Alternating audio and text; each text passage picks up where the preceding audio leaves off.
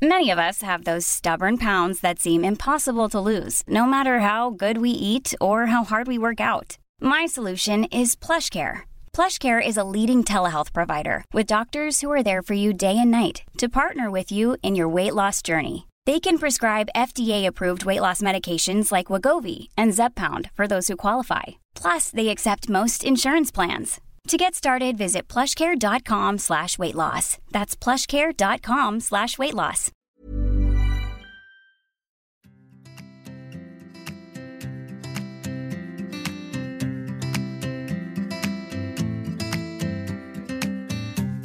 Varmt välkommen till Sveriges största podd om ayurveda. Syftet med den här podden det är att låta ayurveda gå från någonting abstrakt till någonting mer konkret och lättillgängligt för oss. Och tillsammans så kommer vi att undersöka hur ayurveda kan göra skillnad för oss alla och för vår hälsa. Idag är det jag, Marie Maitri, som är värd för veckans avsnitt. Och det här avsnittet kommer att handla om ayurveda och yoga. Eh, det är en del av min eh, vardag, min privata vardag och också det jag arbetar med. Så när jag då fick välja att bjuda in någon så för mig var det helt självklart Mattias eh, Gopala Hagman för att han har varit min yogalärare sedan, ja, jag tror att det är 12 år tillbaka nu i tiden. Och ja, Mattias Gopala, varsågod och presentera dig och jättevälkommen till podden. Tack så jättemycket Maitri.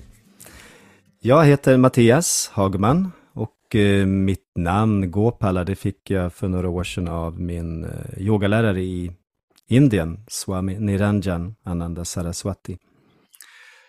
Så jag började med yoga i mitten av 90-talet. Jag kom via idrotten. Jag spelade mycket tennis och där fick vi lära oss mental träning. Och det tyckte jag var oerhört fascinerande och givande. Eh, eftersom jag också upptäckte att jag fick så stor nytta av det också utanför eh, idrotten. Så att det blev faktiskt mer intressant än tennisen. Så jag fördjupade mig i mental träning och eh, någonstans i mitten av 90-talet så eh, mötte jag yogan. Och eh, min första yogalärare, eh, Swami Omananda, Uppsala yogaskola. Så jag följde honom, jag gick alla kurser jag kunde. Och eh, när jag inte kunde gå några fler kurser så tyckte Omananda att jag skulle bli yogalärare. Och Det var jag inte alls intresserad av, utan jag ville bara göra yoga för min, för min egen skull. Men eh, han sa det bästa sättet att lära sig med är att lära ut till andra, så att jag gjorde som han sa. Och eh, när jag hade gjort det så sa han åt mig att nu ska jag öppna en yogaskola och det gjorde jag eftersom han sa det. så jag startade Gävle yogaskola 2001. Och eh, det är det som jag har, har sysselsatt mig med nu på heltid, för sedan en lång tid tillbaks. Och mitt möte med ayurveda kom ganska tidigt eftersom jag alltid tyckte om att, att läsa väldigt mycket och studera yogans skrifter. Så ganska snart så dök jag på bland annat David Frawleys böcker om eh, ayurveda och yoga. Så 2003 så gick jag en eh, utbildning till ayurvedisk hälsokonsult, tror jag att det heter, med eh, Johan Ljungsberg och Dr. Vinay Vora, som säkert många känner till nu. De är ju väldigt kända inom den svenska ayurveda-världen, tror jag. Och eh, under åren så har ayurvedan följt med som ett slags syskon till, till mitt yogautövande. Så det har varit otroligt givande att eh, använda sig av och lära ut olika principer inom ayurveda för att också kunna ska man säga, stärka sitt yogautövande eh, med den hälso, hälsoaspekten av, av yogan. Mm. Mm. Ja, det är lite spännande det här att förr eller senare så möts de. Mm. Eller hur? Om du håller på med ayurvedan så kommer du att komma i kontakt med yogan. Och håller du på med yogan så kommer du komma i kontakt med ayurvedan om du fördjupar dig, förmodar jag. Mm. Precis. Och eh, ayurvedan är så otroligt bra. Om man nu är, om yogan är ditt största intresse så, så ayurvedan är ju ett oerhört bra komplement till yogan. Och tvärtom, för om du fördjupar dig inom ayurveda så kommer du kunna se hur mycket du kan använda dig av yogan ur ett terapeutiskt och eh, balanserande syfte. Så att eh, visst, jag vet inte om alla kanske att det är självklart för alla att de stöter på, men risken är stor att man stöter på ayurveda när man utövar yoga. Och jag tror att förr i tiden, när, för nu för tiden så lär vi ut yoga i, i stora grupper. Så att i varje grupp så har du ju olika typer av, av doshor och olika typer av prakrutis. Så att eh, tidigare så lärde man ju ut, ofta en och en, att en lärare hade en elev i taget. Och den läraren såg också vilka övningar som var lämpliga för just den studenten. Om det var den eleven behövde minska sin vata eller minska sin kaffa och så vidare. Men den eh, lyxen, om man nu kan kalla det för det, har vi inte riktigt nu, där vi, speciellt om man ska hålla yogagrupper. Så då får man komplettera med att man tar emot eh, studenter och elever enskilt och kan göra skräddarsydda Eh, yogaprogram som passar just den personen eh, bättre. Och då tänker jag så här, för att du ska kunna göra det, antingen som lärare anpassa efter balanser och obalanser eller prakriti, eller själv göra det som alltså egenpraktiserande. Hur tänker du att man ska... Man måste ju ha en hel del självinsikt, man måste ha gjort lite ayurvediska tester, man måste ha betraktat sig själv. Hur tänker du Mattias? Ja, precis som du säger, jag tror att det finns ju en tendens till oss människor att vi, inklusive jag också, vi vill gärna att saker och ting ska gå snabbt. Quick fix är ju väldigt eh, attraher, attraktivt. Men jag tror att vägen är lång. Självkännedom tar tid. Och eh, jag tror att det kan finnas en risk också med eh, yttre kunskap. Att om jag bara läser rätt bok och om jag bara läser, går vissa kurser tillräckligt mycket, då samlar jag in information och utifrån den informationen så kan jag sen applicera det. Men det räcker inte med den yttre informationen, vi behöver också, som du säger, självkännedomen. Vi behöver liksom integrera all den här kunskapen. Så det går åt båda hållen tror jag. Dels att vi, vi lär oss av omgivningen, av böcker, kurser, lärare. Och sen nästa steg så ska, vi, ska det bli en del, det ska bli verkligt för, för oss. Men det går också från insidan ut. Att jag upplever massa saker inom mig själv som jag behöver gå ut för att få kunna sätta ord på och kunna kategorisera. Så menar, alla människor i hela världen vet hur vata känns, hur pitta känns, hur kaffa känns. Men de har inte de begreppen och kan därför inte sätta det i ett sammanhang. Så jag tror att det liksom går åt båda hållen, att eh, blicka inåt, blicka utåt. Vi hämtar orden utifrån för att kunna använda dem inom oss själva. Så det är en växelverkan och efter några år så kommer vi upptäcka till exempel hur, hur mår jag nu? Vi ställer en slags diagnos när vi vaknar på morgonen. Vi kan observera vårt fysiologiska, mentala, emotionella, energimässiga tillstånd. Och vi kan se då med hjälp av de ord vi har fått från böcker och kurser, ah, det här är, det här är vata, jag vet att det här är för mycket vata.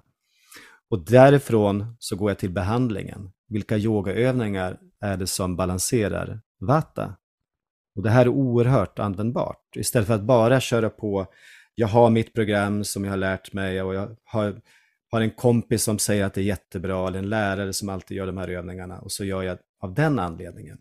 Men det är så oerhört mycket mer värdefullt att eh, lyssna inåt, ställa diagnosen och sen själv sätta in behandling. Ryan Reynolds här från Mint Mobile. Med priset på nästan allt som går upp under inflationen, trodde vi att vi skulle bring våra priser down. So to help us, we brought in a reverse auctioneer, which is apparently a thing. Mint Mobile unlimited premium wireless. Ready to get 30, 30, bit to get 30, bit to get 20, 20, 20, bit to get 20, 20, bit to get 15, 15, 15, 15 just 15 bucks a month. So, Give it a try at mintmobile.com/switch. slash $45 up front for 3 months plus taxes and fees. Promo rate for new customers for limited time. Unlimited more than 40 gigabytes per month slows. Full terms at mintmobile.com. Quality sleep is essential. That's why the Sleep Number Smart Bed is designed for your ever evolving sleep needs. Need a bed that's firmer or softer on either side? Helps you sleep at a comfortable temperature? Sleep Number Smart Beds let you individualize your comfort so you sleep better together. JD Power ranks Sleep Number number 1 in customer satisfaction with mattresses purchased in-store. And now save 40% on the Sleep Number limited edition Smart Bed for a limited time. For JD Power 2023 award information, visit jdpower.com/awards. Only at Sleep Number stores or sleepnumber.com. Just det.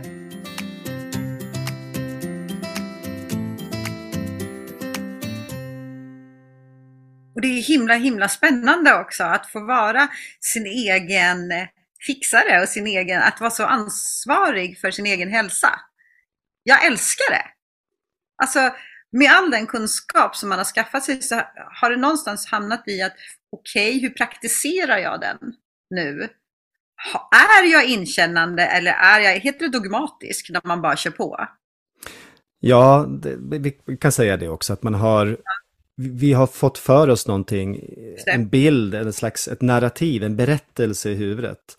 Och den berättelsen ifrågasätter vi aldrig. Så att det är viktigt att man ibland stannar till och ifrågasätter den berättelse jag har i huvudet. Är det här verkligen sant? Och vi har ju någonting som heter egot som älskar att ha den här berättelsen och älskar att ha rätt. Och eh, undviker kritik och ifrågasättande. Så det är också viktigt, en av de vikt, kanske två av de viktigaste attityderna att ha, det är nyfikenhet och ödmjukhet. Mm. Vi, om vi verkligen tillåter oss att vara nyfikna, hungriga, vi, vi liksom vill veta, oavsett om någon annan tycker vi är jobbiga, så vi vill vi hela tiden veta mer, ifrågasätta. Men också ödmjukheten att säga, det jag har trott nu i tio års tid, det stämmer inte.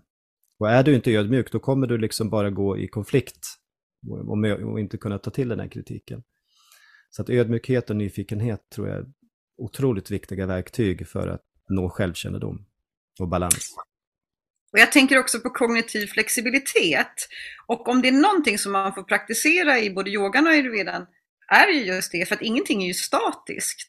Mm. Alltså du förflyttar dig ju hela tiden, bara genom att bli äldre eller att du byter land eller att du byter årstid. Så att, här kommer ju svajaya in, tänker jag, att hela tiden gå och småsmyga. Mm. Visst? Att hela tiden ligga lite i smyg på sig själv och kolla läget. Och och där tror jag också återigen någonting jag stöter på i ayurvedan, att eh, många vill gärna kunna göra några tester och säga jag är en pitta. Och så söker man bekräftelse på det och varje gång man ser att man har rätt, man får bekräftelse, så stärker man den här narrativet, uppfattningen jag är en pitta. Det jag fick lära mig på min utbildning, det var ju att vi är inte pitta, vata, kaffa, utan vi har. Och eh, jag brukar säga det att du är ingenting det du kan uppleva. Om vi tänker på tantra till exempel, vi pratar om, om Shiva Shakti, vi har upplevaren och upplevelsen. Där Vata, Pitta och Kaffe är upplevelser. Men jag är upplevaren till dessa upplevelser. Det vi i yoga pratar om vittnesattityd, drashta bhava. Att vi, yoga betyder, betyder förening, men yoga börjar med vi-yoga som betyder separation. Det kan låta paradoxalt, men för att nå förening så behöver vi först separera oss själva för att kunna se klart och se vad jag är och vad jag inte är. Och det här gäller väldigt mycket när vi pratar om eh, Vata Pitta Kapha, att kunna se doshorna, att observera dem via våra sinnen. Och sen kunna använda vårt intellekt, vår buddhi, för att kunna reflektera och fatta rationella beslut. Så att det finns en fälla i att, att identifiera sig med doshorna istället för att säga jag är inte någon av doshorna. Och då kan vi också lättare vara, som du säger, mer rörliga. För till exempel om du har gjort en massa tester och det kommer tester, all, alla tester säger att du är, du är en klassisk vatta. Och så går du till en, en vaidya, du går till en läkare som läser din puls och säger åh, du har jättemycket kaffeobalanser. Hur ska du förhålla dig till det? För så var det för mig, att när jag kom till Vinna eller Johan och de läste min puls och sa det är otroligt mycket eld. Och jag kände inte riktigt igen mig i det i testerna utan där var jag med, med vata. Det är liksom, jag hade bestämt mig, jag är en vata. Och sen sa de, ja du har pitta-obalanser och eh, ja, du har kaffe-obalanser också. Och jag liksom, vadå? Jag är ju en vata. Så det var nyttigt faktiskt att få se att du har alla doshorna, men du är i, i, inte någon av doshorna. Så det, är också, det är också lättare att, att gå vidare då, annars blir det en återvändsgränd med ayurveda tror jag. Mm. Och som jag förstått det också så är det både ayurvedan och yogan, det de delar är att det är en vetenskap om consciousness, om medvetenhet. Mm. Och jag tänker att ibland när man hamnar i de här liksom, mindre rummen som jag är och att komma ihåg att det handlar om att expandera sin medvetenhet. Mm. Och där är det stort, det är space liksom. Vi kommer från space ner in i det här. Jag gillar det här när man kommer ner, liksom, okej okay, fysiskt då. Hur kan jag liksom uppleva min kropp och hur kan jag supporta den? Ja, mentalt då? Ja, spirituellt då? Mm. Att yogan och ayurvedan innehåller allt det. För vi kan ju lätt hamna på, du vet vad vi ska äta, eller hur? Mm. Vilket är högst väsentligt. Men att komma ihåg att det handlar liksom om en vetenskap om consciousness. Mm. Är inte det härligt? Det är, det är liksom grejen. Ja, och det är ju så det också att, att bli mer medveten är ju, vi kanske säger att vi vill bli mer medvetna, men när det kommer till kritan så innebär det också att det har sitt pris. Så ibland så det, kan det vara lite bekvämt och tryggt att inte bli mer medveten. Och jag tänker också på det här med maten. Eh, det är ofta väldigt populärt i Ayurveda att man vill ha lister på vad man ska äta och inte äta och så. Och det, det kan vara jättebra början. Men sen också som du säger, att det är lätt att vi blir statiska i vårt mindset, att vi inte är observanta på, okej, okay, vanligtvis så ska jag undvika att äta det här. Men just de här dagarna, den här veckan, så har jag, min, min agni kanske är väldigt, väldigt stark av olika anledningar. Så nu måste jag, nu måste jag vara beredd att ändra mig just idag. Så att medvetenheten är ju också, kan vara lite utmanande. För vi måste också vara beredda att släppa de här, de här listorna och den här kunskapen som har hjälpt oss. Shri Aurobindo, en känd yogi, sa ju också att eh, i början så var intellektet våran hjälpare. Men nu är intellektet barriären, transcendera intellektet. Så att vårt intellekt är ju liksom både vår bästa vän och vår värsta fiende. Vi måste veta när vi ska använda intellektet och när vi ska släppa taget och gå ut i det okända. Mm. Och jag tänker att när vi Eftersom det här är då en ayurveda-podd och då har man ju lärt sig, om man har lyssnat på flera av de här avsnitten, så har man lärt sig en hel del nu om doshorna och ja, mycket har ni lärt er. Jag har lyssnat igenom avsnitten och när vi tänker oss då att vi ska använda oss av den här kunskapen, kunskapen när vi flyttar oss till yogan. Då har jag ett förslag Mattias, det här liksom när man praktiserar asana, som vi börjar där då med mm med den fysiska kroppen och asanas. Eh, att man kan till exempel använda solhälsningen. Så att om man nu använder solhälsningen i sin morgonpractice så kan man känna efter. Det första man gör, det är ju väldigt ayurvediskt, att innan man öppnar ögonen, att känna efter hur är det idag? Vem är jag idag? Hur känns min agni? Att ta den här första kontakten med sig själv. Och där kan man ju redan hitta, att känner jag mig slö?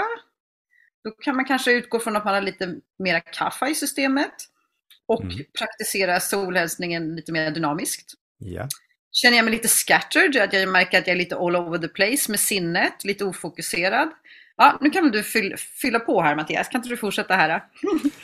Jo, precis. Eh, det här finns det också två vägar att gå. Att antingen ett, att jag har utvecklat en sån självkännedom och medvetenhet att jag så fort jag vaknar kan observera mitt tillstånd och diagnostisera och se, ah, det här är för mycket kaffe, det är slöhet.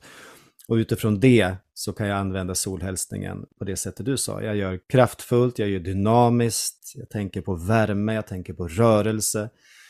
Eh, jag kanske gör flera rundor, kanske 12 rundor solhälsningen.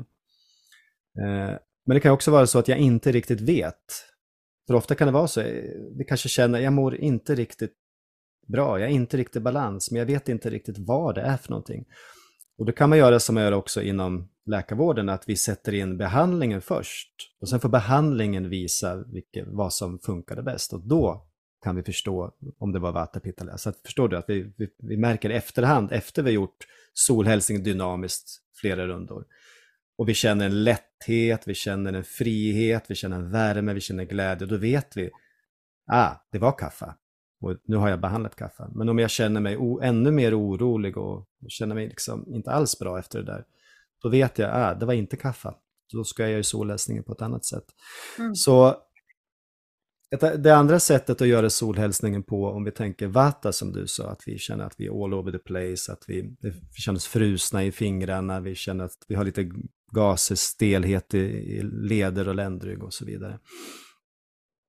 Då tycker jag att det funkar väldigt bra att göra solhälsningen där jag går in i varje position, stannar eh, fyra, fem andetag, andas långsamt, jämnt och djupt och står stilla. Och sen går in i nästa position, är stilla i positionen, även där andas långsamt och djupt och jämnt, fyra, fem andetag. Och kanske bara gör en eller två rundor. Det är liksom sättet för att balansera vatten med hjälp av solhälsningen.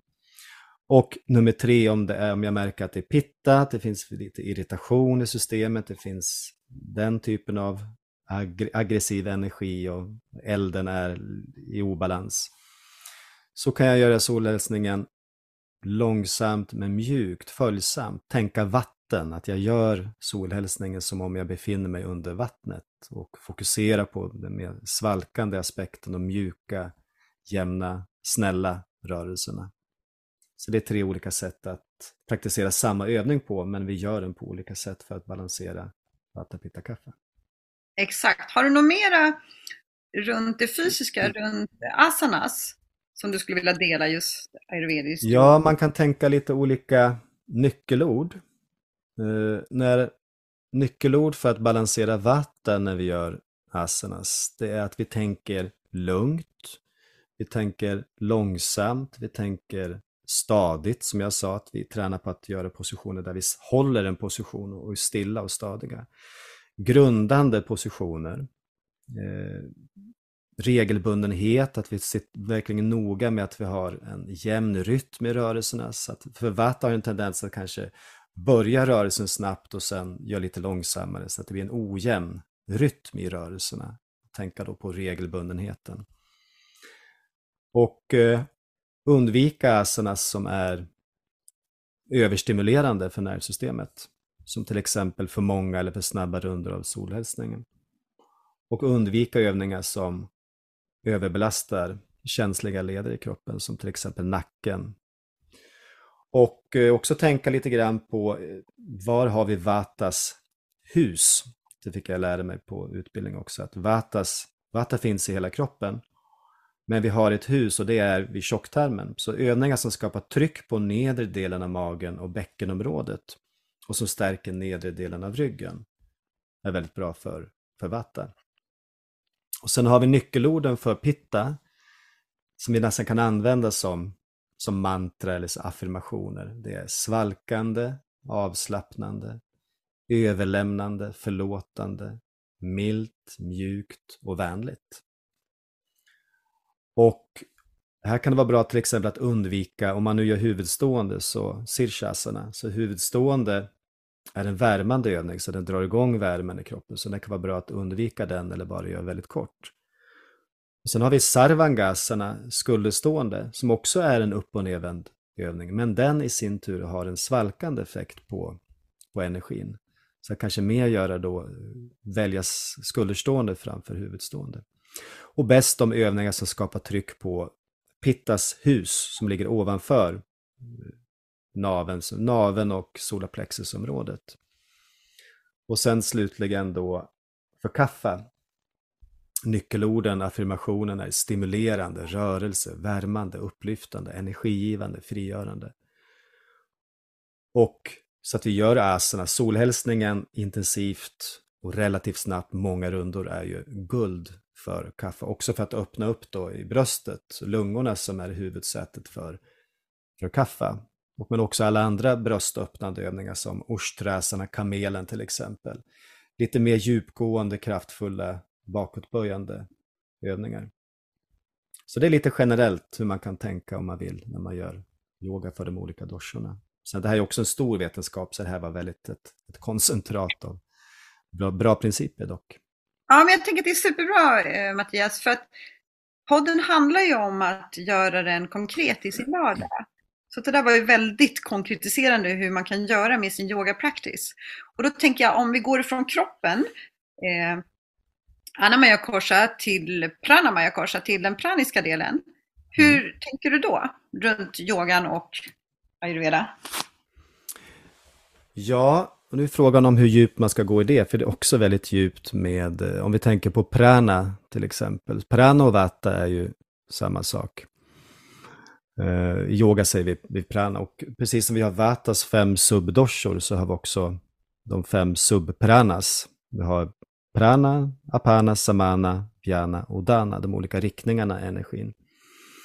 Så egentligen tycker jag att om man kan, man brukar ju säga då i ayurveda att kan du balansera vata så håller du också pitta och kaffa i, i schack, i balans. Att det är vata, det är, som är rörelseenergin, som i, inte alla fall, men väldigt av majoriteten av fall är orsaken till pitta-obalanser och kaffeobalanser. Så att det börjar ofta med vata-obalanser. Så ett sätt att se på det hela också är att man fördjupar sig i kunskapen om de fem pranavajos, de fem vindarna. Eh, men om vi tänker lite mer enkelt, om vi tänker andningsövningar för de olika eh, doshorna, om man nu vill gå ännu ett steg djupare med pranayama, så är ju framförallt nadishodana pranayama, alltså växelandningen där man andas in vänster, ut höger, in höger, ut vänster, är ju bra egentligen för alla tre doshorna, men framförallt för, för vata. Och sen har vi också en bra andningsövning för, eh, för vata i ujjayi, det psykiska andetaget, när vi, halsandning kallas det ibland, viskande andning, eller psykisk andning heter det i vår tradition. Som är både lugnande, grundande och värmande. Och det är ju precis det som, som Vata behöver.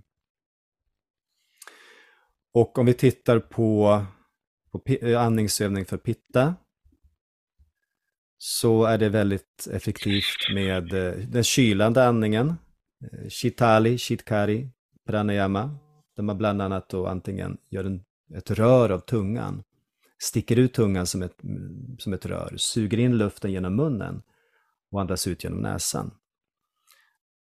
Och det är också väldigt effektivt då just för, för pitta. Eh, sen finns det också andra andningsövningar som renande andning som, som jag har lärt mig av eh, doktor Våra. Som jag inte går in på nu för det, det tar väl lite mer tid. Men framförallt kylande andning. Och sen för kaffa naturligtvis de mer aktiverande, stimulerande, värmande pranayamas. Så där har vi bastrika pranayama och kapalbati pranayama. Vi har också surya Eh, beda pranayama där vi andas, andas bara in och ut genom höger näsborre. Som har en mer subtilt värmande effekt. Eh, så det är också en väldigt bra övning för, för kaffa. Jag tänker att, tack! jag tänker att någonting som då skulle vara ganska bra om man inte har liksom kunskapen eller liksom orkar ha sån här självinsikt varje dag, är att faktiskt göra saker som är generella. Alltså som är, som är stärkande för alla. Eller i det här fallet då som att du nämner Nadishodana som stärker Vata som i sin tur balanserar oss. Så att om vi styr ihop ett litet program här då med asanas, pranayam och någon form av meditation eller någon kort avslutning på det programmet Mattias. Om vi gör en, ett generellt som är bra för alla människor, oavsett obalanser eller balanser. Vad skulle du rekommendera då? Oj. Ja, det beror ju på så många olika saker. Dels, eh, för det första så behöver man ju kunna teknikerna. Eh, så det kan vara lite lurigt. För man brukar ju säga, att det finns ju något sånt här Tridoshik-program. Och eh, ett program är ju det klassiska eh, Asana-programmet. Eh, som finns i ett par, tre olika varianter. Ibland kallas det Shivananda-serien, Rishikesh-serien eller Tridosha-programmet. Men det består ju huvudsakligen av att man har en bra blandning på Först att man gör någon form av uppvärmning, solhälsningen, börja med den. Man kan anpassa den på de tre olika sätten. Sen att man gör någon form av eh, eh upp och nervänd position som är lämplig för dig. Sarvangasana till exempel, skulderstående, kanske plogen. Och sen att man gör eh, en framåtböjande position, som till exempel eh, Paschimottanasana, tången, eller Janusirshasana, huvudet i knät. Och en eller ett par bakåtböjande övningar och man kan avsluta med en, en twistande övning. Och det här är generellt sett väldigt bra att få med de här olika rörelserna för alla tre doshor. Och när det gäller as, eh, pranayama-delen så att bara göra yogisk andning är fantastiskt bra. Att i sittande eller liggande position andas långsamma, jämna, djupa andetag. Där jag fyller lungorna nerifrån och upp, håller andan några sekunder, tömmer lungorna uppifrån och ner. Och när det gäller meditation så kan det vara väldigt olika eh, även där vad man har för erfarenhet och bakgrund och ambition. Men någonting som ofta människor hoppar över det är att, att bara göra en vanlig kroppsmeditation. Som är väldigt, väldigt bra för vata framför allt. Men återigen för alla doshorna. Eh, vi har ju i vår tradition som du vet Kaya Stairam. Eh, kaya betyder kropp och Stairam betyder stadighet eller stillhet i viss form av mindfulnessövning där man skannar igenom kroppsdelarna och låter kroppsdelarna slappna av och bli mer och mer stadiga och stilla. Så, så att sen å andra sidan, det finns ju så många bra meditationer, men att då och då komma tillbaks till the basic tror jag är väldigt bra, både när det gäller asana, pranayama och eh, meditation. Superbra med så här konkreta tips, tänker jag. Och nu vet jag att både du och jag kommer att ha en sån kurs. Visst är det så på Gävles yogaskola, kommer du ha en kurs i det yogisk, klassiska programmet? Jag har precis haft det nu under hösten och jag brukar ha ja. den typ varannat år. Jag har också eh, har den som onlinekurs också, att man kan då, för vi spelade in då, det är åtta lektioner. Och eh, vi spelade in dem så att det går också att streama dem från vårt onlinebibliotek om man skulle vara Perfekt. intresserad. Så enkelt. Och på Uppsala yogaskola och online så kommer jag ha en kurs i klassiska programmet. Så här har man en ganska bra grund ja. till att balansera alla doshorna om man inte vill fördjupa sig just i den kunskapen. Och just det klassiska programmet också, verkligen vurma för det programmet. För att man vill göra olika saker, man vill lära sig nya tekniker, nya program, men jag kommer alltid tillbaka regelbundet så jag brukar göra så att jag eh, åtminstone under en månad varje år bara gör det klassiska programmet. Och ibland så gör jag ett program som bara är vata-balanserande under en hel månad. Så det kan vara också skönt att ha att man regelbundenhet, att man vet att varje januari så gör jag till exempel vata-balanserande under en hel månad. Och sen under sommaren kanske jag gör en, en pitta-månad och sen och så vidare. Mm. Det klassiska programmet är ett fantastiskt terapeutiskt verktyg. Så det klassiska programmet för mig, det är som en ayurvedisk behandling. Det är nästan som panchakarma. Mm. Och då kanske du behöver berätta lite om vad panchakarma är. ja, det, det, det, det, kanske, det kanske du kan göra, Maitri. Panchakarma, pancha är fem och karma är handlingar. Så det är fem olika terapier som, som man gör. Jag så. tänker att i ayurvedan har vi panchakarman och i yogatraditionen så har vi chatkarma. Så vi har lite olika sätt att eh, detoxa och att rena och stärka upp våra kroppar. Och det här tar ju liksom aldrig slut. Det är bara hur spännande som helst. Eh, hur mycket man kan liksom göra sig av med som inte, är ens, som inte tillhör en. Och det är liksom från att det är skräp i tarmarna till att det är skräp i sinnet. Liksom. Mm. Hur man kan bara, det här tillhör inte mig, det här jobbar vi oss av med på ett medvetet sätt. Och det erbjuder både ayurvedan och yogan. Ja, och jag vet också min lärare och också i viss mån din lärare, Swami Niranjan i Indien, säger att det blir viktigaste som finns i yoga och återigen det som många hoppar över. De första stegen är shuddhi, shuddhi rengöring. Så i hatta yoga traditionellt så börjar man med chatkarma som du sa. Man börjar med nässköljning, tarmsköljning och de olika reningsteknikerna.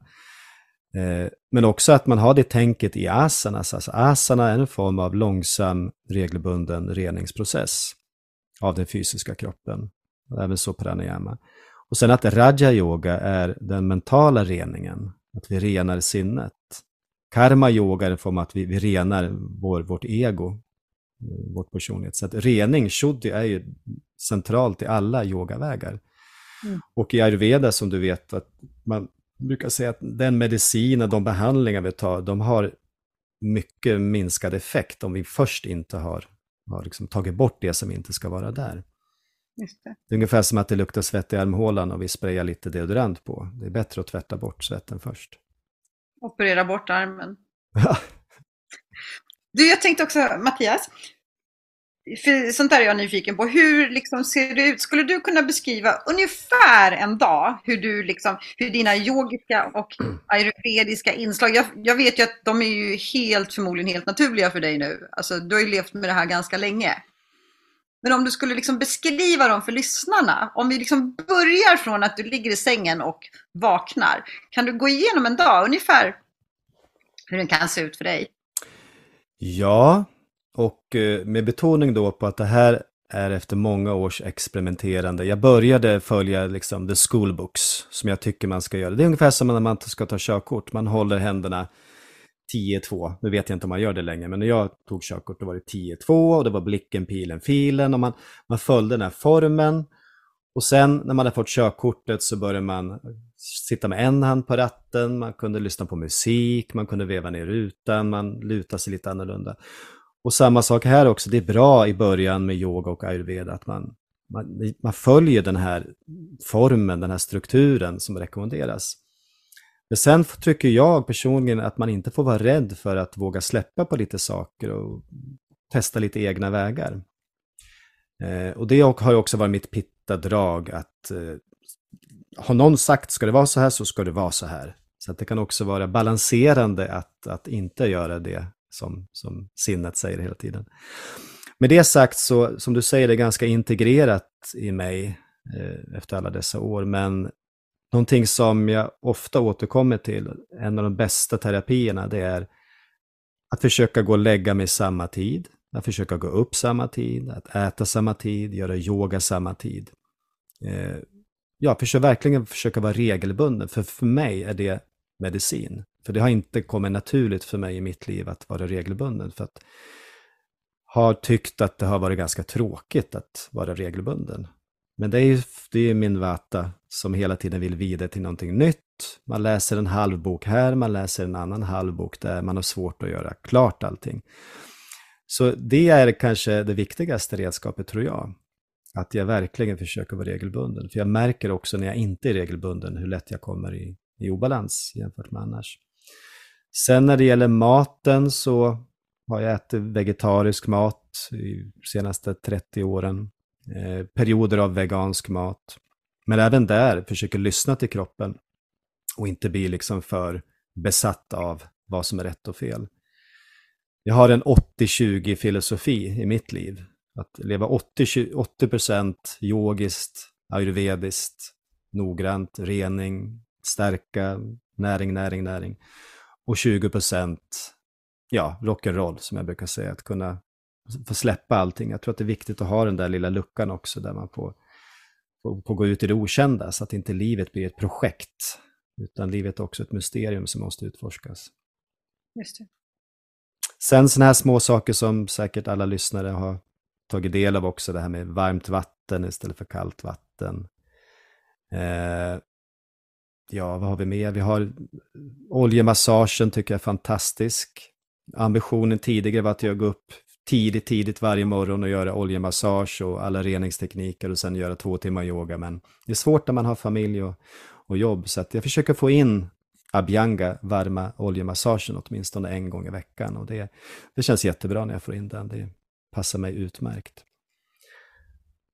Men annars är det så att jag försöker också göra eh, det mer kan man säga, mentalt krävande jobbet på förmiddagarna. Eh, så tidigt som möjligt. Jag är mer kreativ, till exempel när jag skrev min bok så gick jag upp väldigt tidigt, kanske vid femtiden. Gjorde, som du känner till, kriya-yoga som slår på hela hjärnan. Och sen så satt jag och skrev fram till lunch. Och sen, då var jag, satt jag i Grekland, så det var väldigt behaglig temperatur och så. Så efter lunch då var det stranden och, och sen var det sitta bara och fundera, meditera och, och njuta av livet resten av dagen. Jag fick väldigt mycket gjort på att vara, gå upp tidigt. Early to, to rise, vad säger man? Early to bed, early to rise makes you healthy, happy and wise. Så det tycker jag stämmer väldigt bra.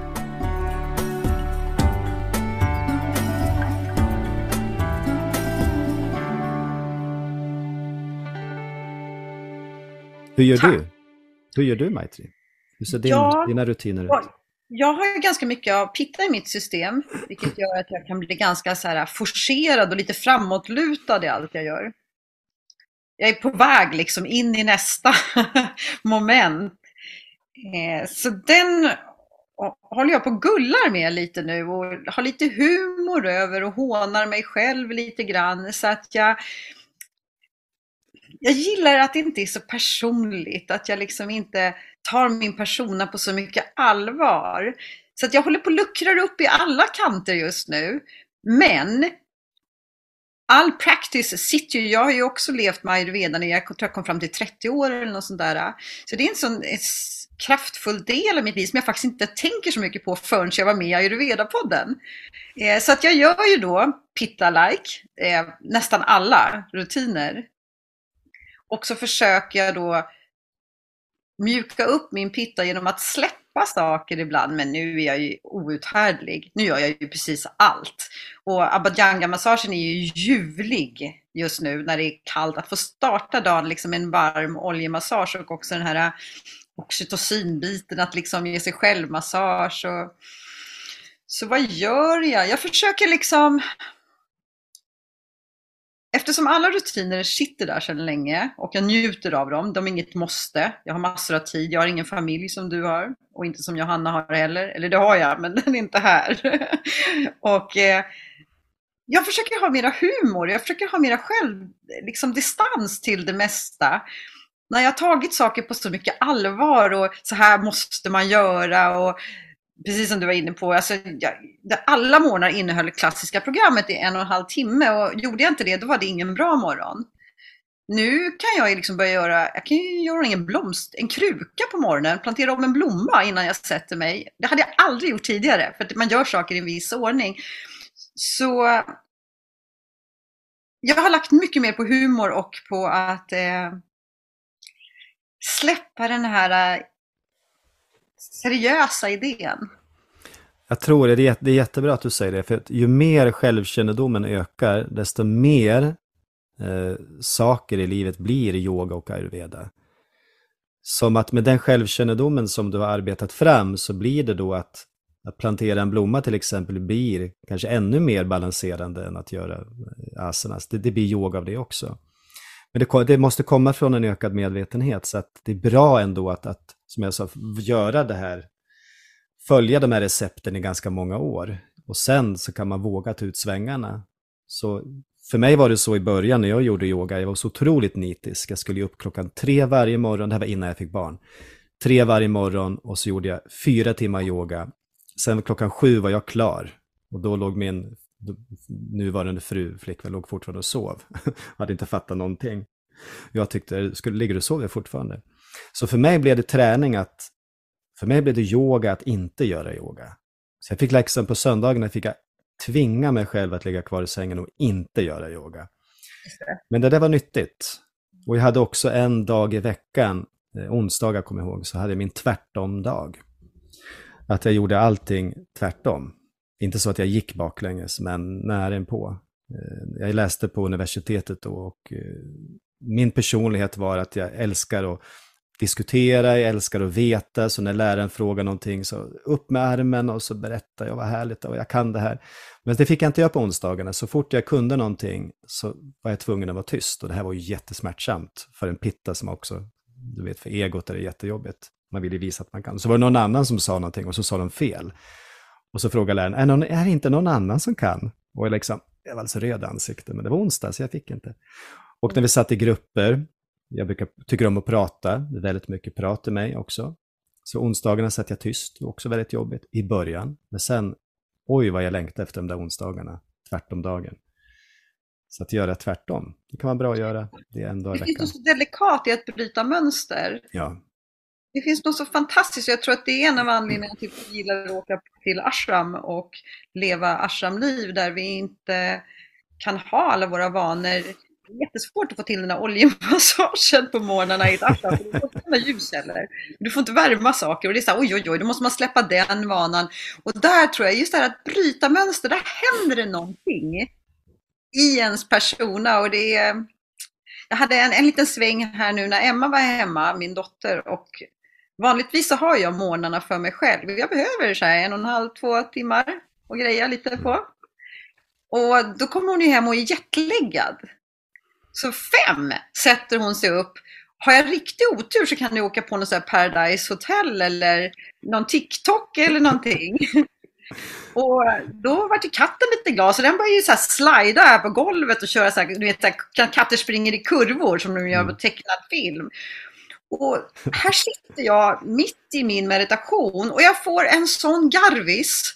Och jag blir så lycklig och så tacksam för att jag har en katt som slidar och en unge i sängen som ligger och scrollar.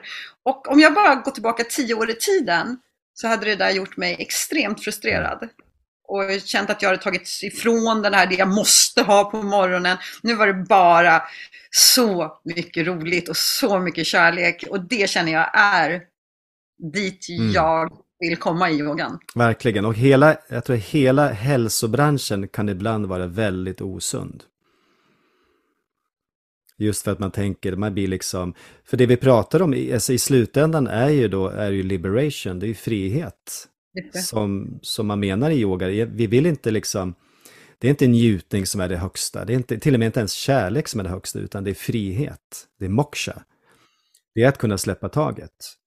Men på något sätt fungerar väl livet så att du kan inte släppa taget om någonting du inte först hållit fast vid.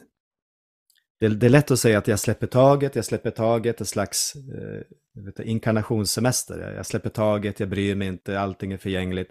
Men det är inte heller rätt väg tror jag. Vi måste, vi måste få vara nördar, vi måste få vara liksom lite anala under en period i livet för att kunna också träna på att nu släpper jag. Och det är då vi känner, wow, det här är friheten. Att sitta och vara asgarva under meditationen, det är jättenyttigt.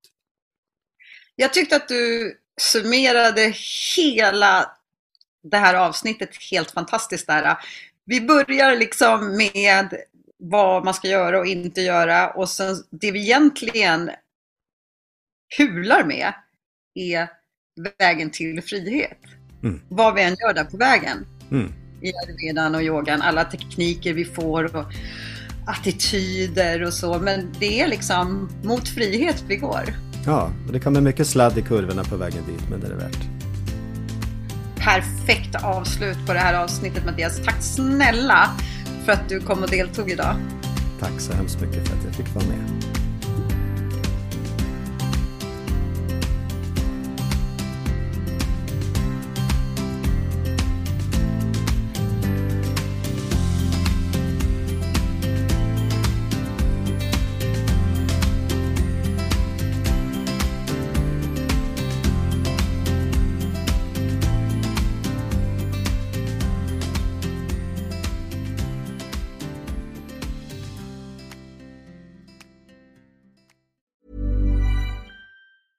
Planning for your next trip? Elevate your travel style with Quince. Quince has all the jet setting essentials you'll want for your next getaway, like European linen, premium luggage options, buttery soft Italian leather bags, and so much more. And is all priced at 50 to 80% less than similar brands. Plus, Quince only works with factories that use safe and ethical manufacturing practices. Pack your bags with high-quality essentials you'll be wearing for vacations to come with Quince. Go to quince.com slash pack for free shipping and 365-day returns.